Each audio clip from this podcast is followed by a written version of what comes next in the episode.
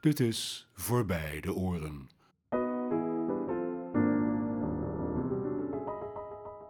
Podcast over muziek en filosofie door Lodewijk Muns. Aflevering 2 Darling, they're playing our tune. DTPOT.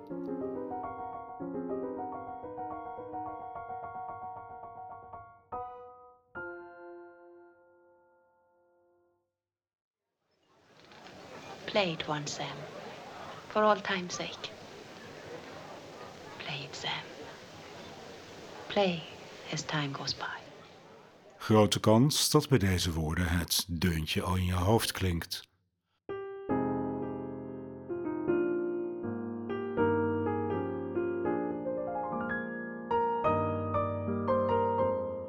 As time goes by. Misschien doen ook de glanzende ogen van Ingrid Bergman voor je op, de pijnzende uitdrukking op haar gezicht, terwijl met de muziek de herinneringen haar door het hoofd spelen.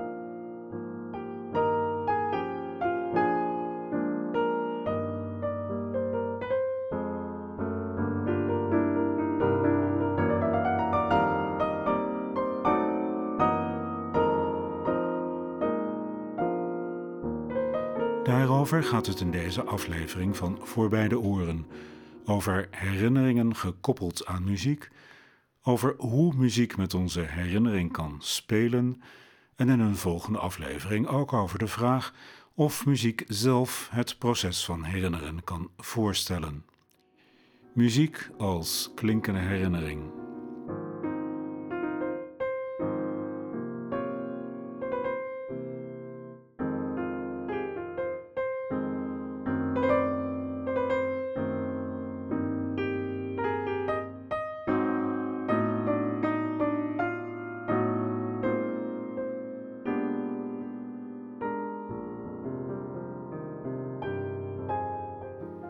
Die beroemde scène uit de film Casablanca is een klassieke situatie, om niet te zeggen een cliché. Maar wel een belangrijk, zinvol cliché. Een bepaald lied, een bepaald stuk muziek, wekt sterke associaties met een ervaring uit het verleden. Een moment waarop die muziek klonk, waar die muziek deel van was.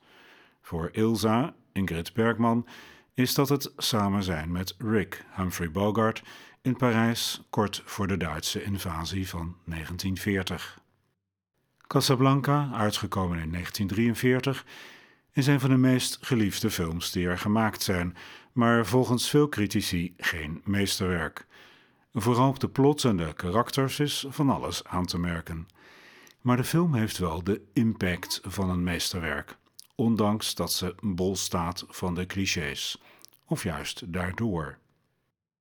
In een veelgelezen essay heeft Umberto Eco de vraag gesteld wat Casablanca zo'n tijdloos fascinerende film maakt, ook al is de artistieke kwaliteit eigenlijk maar middelmatig, zeer middelmatig volgens Eco. Het antwoord is volgens hem hierin gelegen dat Casablanca een lukraak in elkaar gezette verzameling van filmclichés is, zonder een verstrekkende artistieke visie. De clichés gaan zelfstandig verbanden met elkaar aan. Ze praten met elkaar, al dus Eco. En zo hebben ze een onbedoeld gezamenlijk effect. Hij eindigt zijn bespreking met de woorden: Om twee clichés moeten we lachen, bij honderd clichés zijn we ontroerd. Dat is een pakkende formulering die daardoor misschien overtuigend klinkt, maar of ze waar is, daar heb ik twijfels over. Er zijn massa's pulp die van de clichés aan elkaar hangt. Het behoort zelfs tot de definitie van pulp. En als die pulp effect heeft, dan niet doordat de clichés er zoveel zijn, maar doordat ze effectief worden ingezet. Play it, Sam. Play as time goes by. Waar Eco geen aandacht aan besteedt, is de muziek in Casablanca behalve dat hij als een van die clichés noemt: They're playing our song. Een gedeelde herinnering wordt wakker geroepen door muziek. In dit geval As Time Goes By, het liedje dat staat voor de liefdesrelatie tussen Rick en Ilsa, Bogart en Bergman.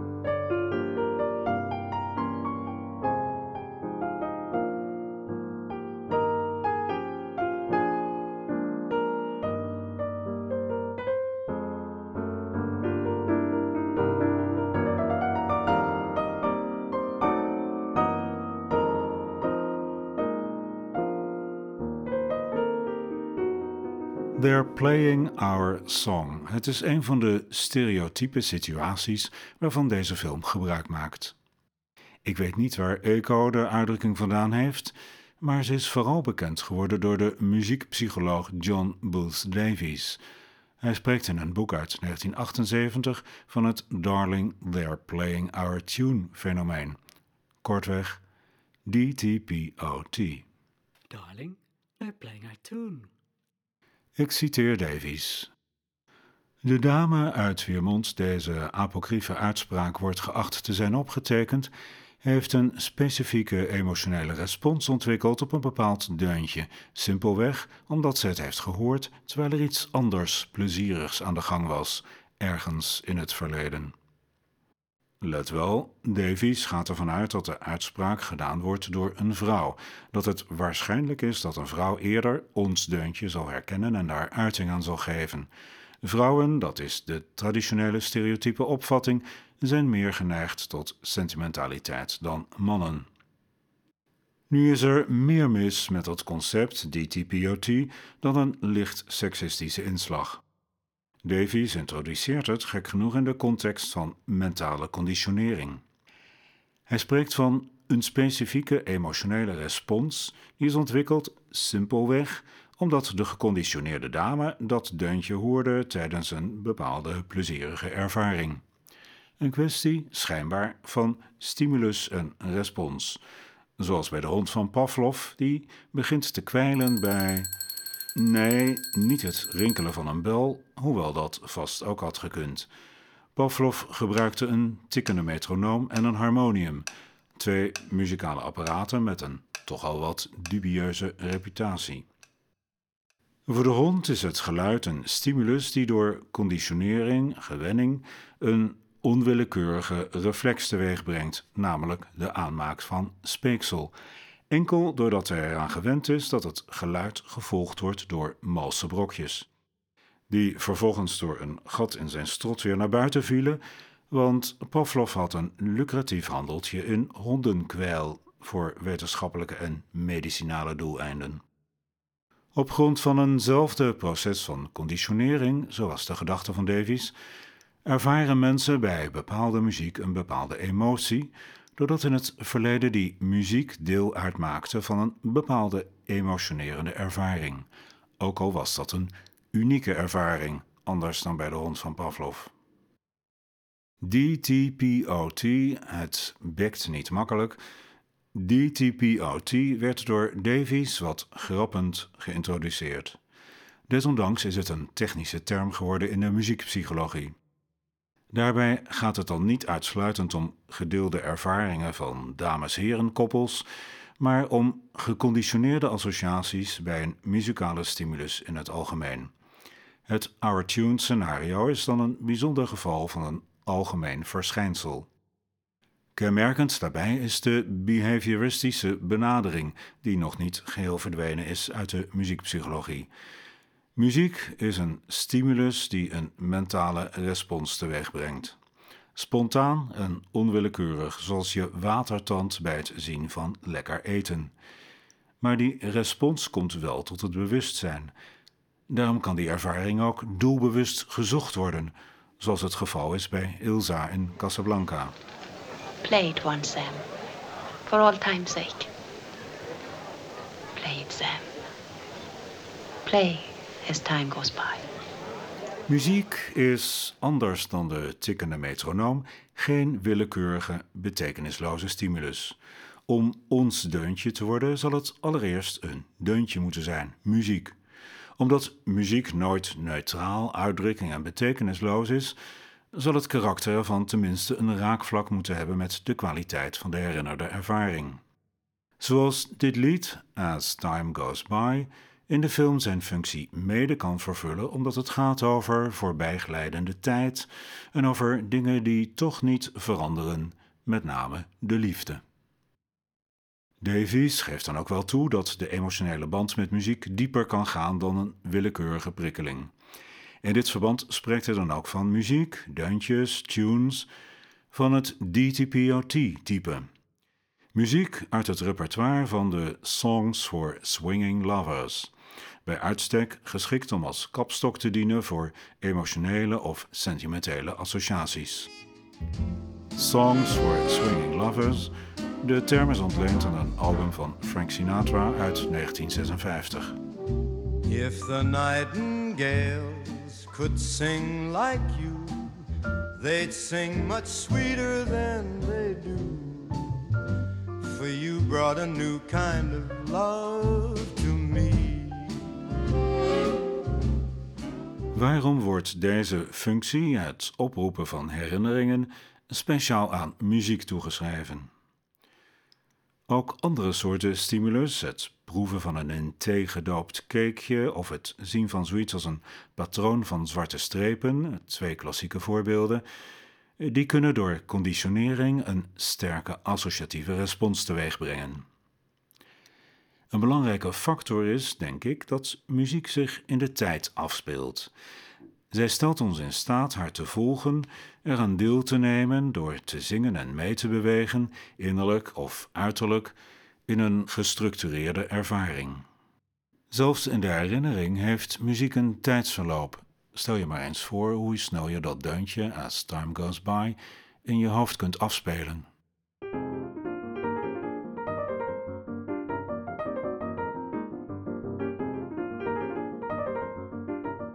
Daarin ligt misschien ook een deel van de verklaring waarom muziek zulke wonderbaarlijk sterke effecten kan hebben bij Alzheimer-patiënten die uitgeblust lijken en nauwelijks kunnen communiceren, maar wanneer ze bekende muziek horen, opeens herleven. Hoewel het grootste deel van hun geheugen lijkt te zijn weggevaagd, zijn er toch muzikale herinneringen blijven hangen. En wanneer die geactiveerd worden, komt daarmee een deel van de persoonlijkheid weer boven. Muziek lijkt hier een sleutel te zijn tot emoties die op hun beurt herinneringen oproepen. En daarmee lijkt muziek een bijzonder vermogen te hebben om onze persoonlijkheid, lichaam en geest bij elkaar te houden. Met haar regelmatige puls en verwachtingspatronen kan muziek samenhang geven aan wat anders voor de patiënt een eindeloze reeks onsamenhangende momenten zou zijn. Hierdoor kunnen andere herinneringen uit een bevroren, tijdloze toestand tevoorschijn komen en weer tot een beleefde ervaring worden. En dat geldt niet alleen voor mensen met geheugenverlies. Dat vermogen van muziek om ervaring in de tijd te helpen structureren is een van de belangrijkste factoren in muzikaal genot en wat dat bijdraagt aan ons welzijn. I wasn't sure you were the same. Let's see, the last time we met. Was La Bella Roar. How nice, you remembered. But of course, that was the day the Germans marched into Paris. Not an easy day to forget. No. I remember every detail. The Germans wore gray, you wore blue. Yes, I put that dress away. When the Germans marched. Herinneringen die muziek opwekt, dan denkt men meestal aan positieve herinneringen. Nostalgie, weemoed. Dat hangt samen met een algemene tendens om over muziek te denken als iets wezenlijk goeds, fraais of anderszins van waarde. Toch is er, voor velen althans, ook muziek die je haat. Lelijke of slecht gemaakte muziek, muziek die negativiteit uitdrukt. En muziek die niet per se slecht of lelijk is, maar geassocieerd wordt met negatieve ervaringen door conditionering à la Pavlov. Anders dan het DTPOT-scenario suggereert, hoeven muzikale herinneringen geen plezierige herinneringen te zijn.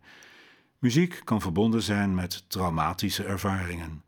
Dat is niets anders dan het DTPOT-effect, maar dan met de omgekeerde gevoelswaarde. The Enemies Tune.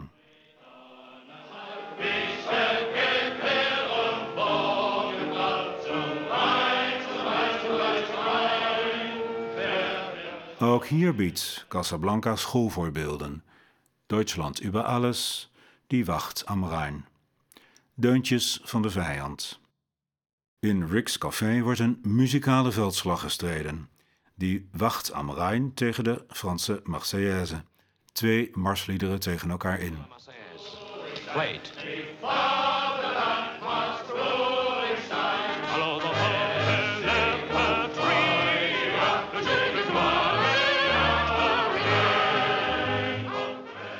Muziek die herinneringen opwekt of omgekeerd door de gebeurtenissen weer in herinnering wordt gebracht, is een dankbaar gegeven voor de opera, die allerlei procedés heeft aangeleverd waar Hollywood-componisten dankbaar of ondankbaar gebruik van hebben gemaakt.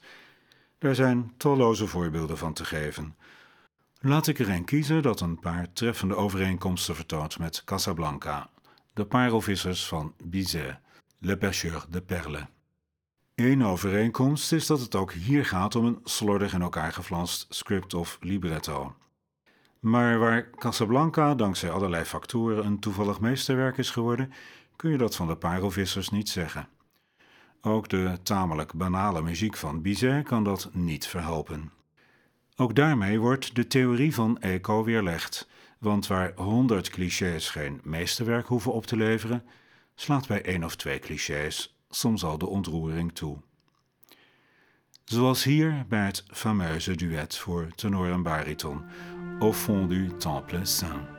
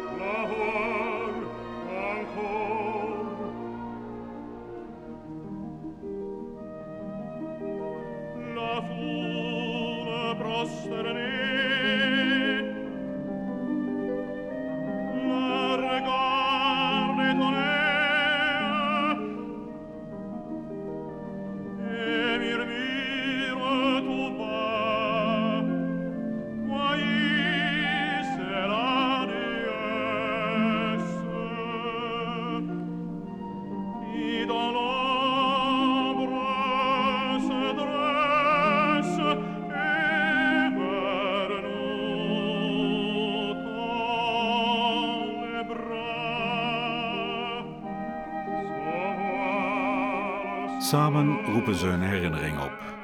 Achter in de tempel ontwaren ze een priesteres. Beiden worden op slag verliefd, voelen dat hun vriendschap in het geding is en besluiten de liefde op te offeren aan de vriendschap.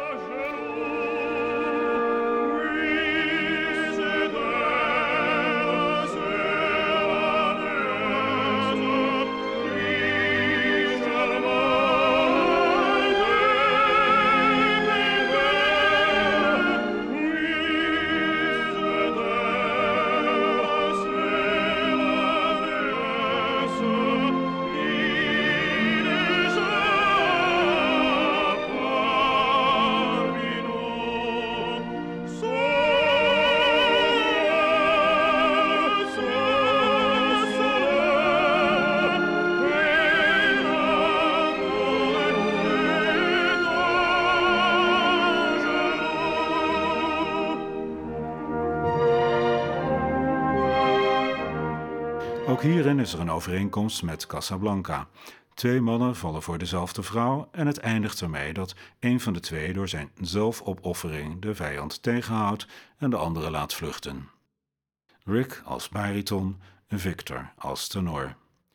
Ilsa is hier de sopraan, in dit geval een priesteres die haar plicht verzaakt en aan de haal gaat met een van de twee, de tenor uiteraard, want die kan met de sopraan in octaven zingen. In de loop van de opera wordt een paar keer aan dat duet en aan dat moment herinnerd. Met als hoogtepunt het slot, het moment dat de bariton zich opoffert.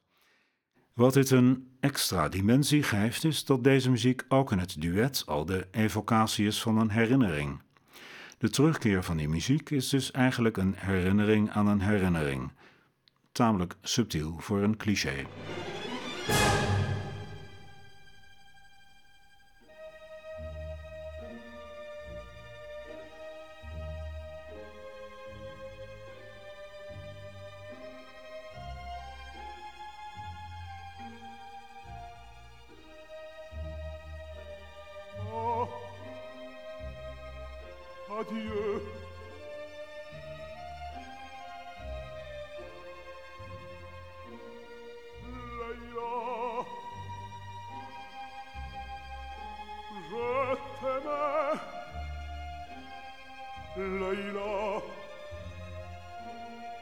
cantene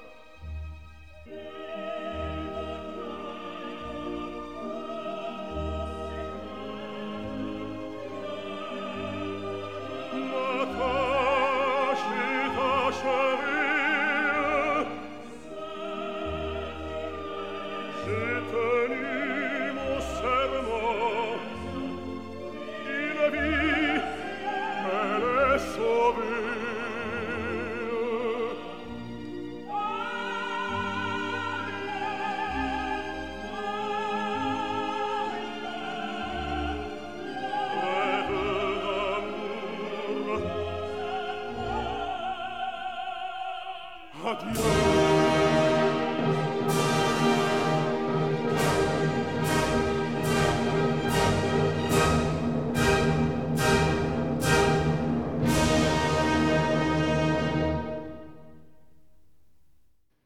kende ik het slot van de opera. Eh, Toch is dit niet het slot dat Bizet oorspronkelijk had gecomponeerd. Het is dertig jaar later bewerkt door Benjamin Godard. Zelfs het beroemde duet is trouwens door Godard veranderd en naar mijn mening verbeterd, volgens het principe een ijzersterke deun kun je maar beter nog een keer laten horen. En hoewel ik snop genoeg ben om mijn neus op te halen voor zulke sentimentaliteit, bezorgt het me soms toch weer kippenvel. Play it again, George.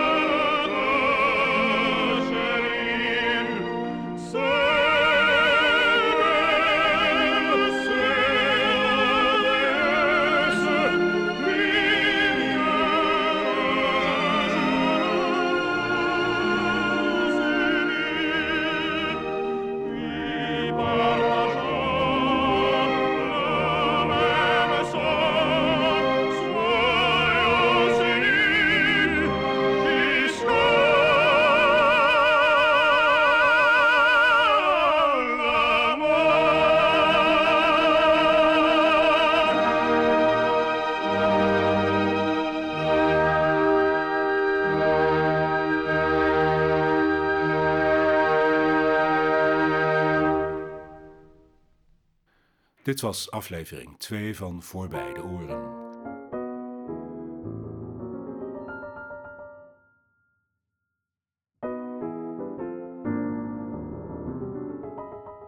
Bronnen voor de muziek- en tekstcitaten zijn te vinden op de website van de podcast.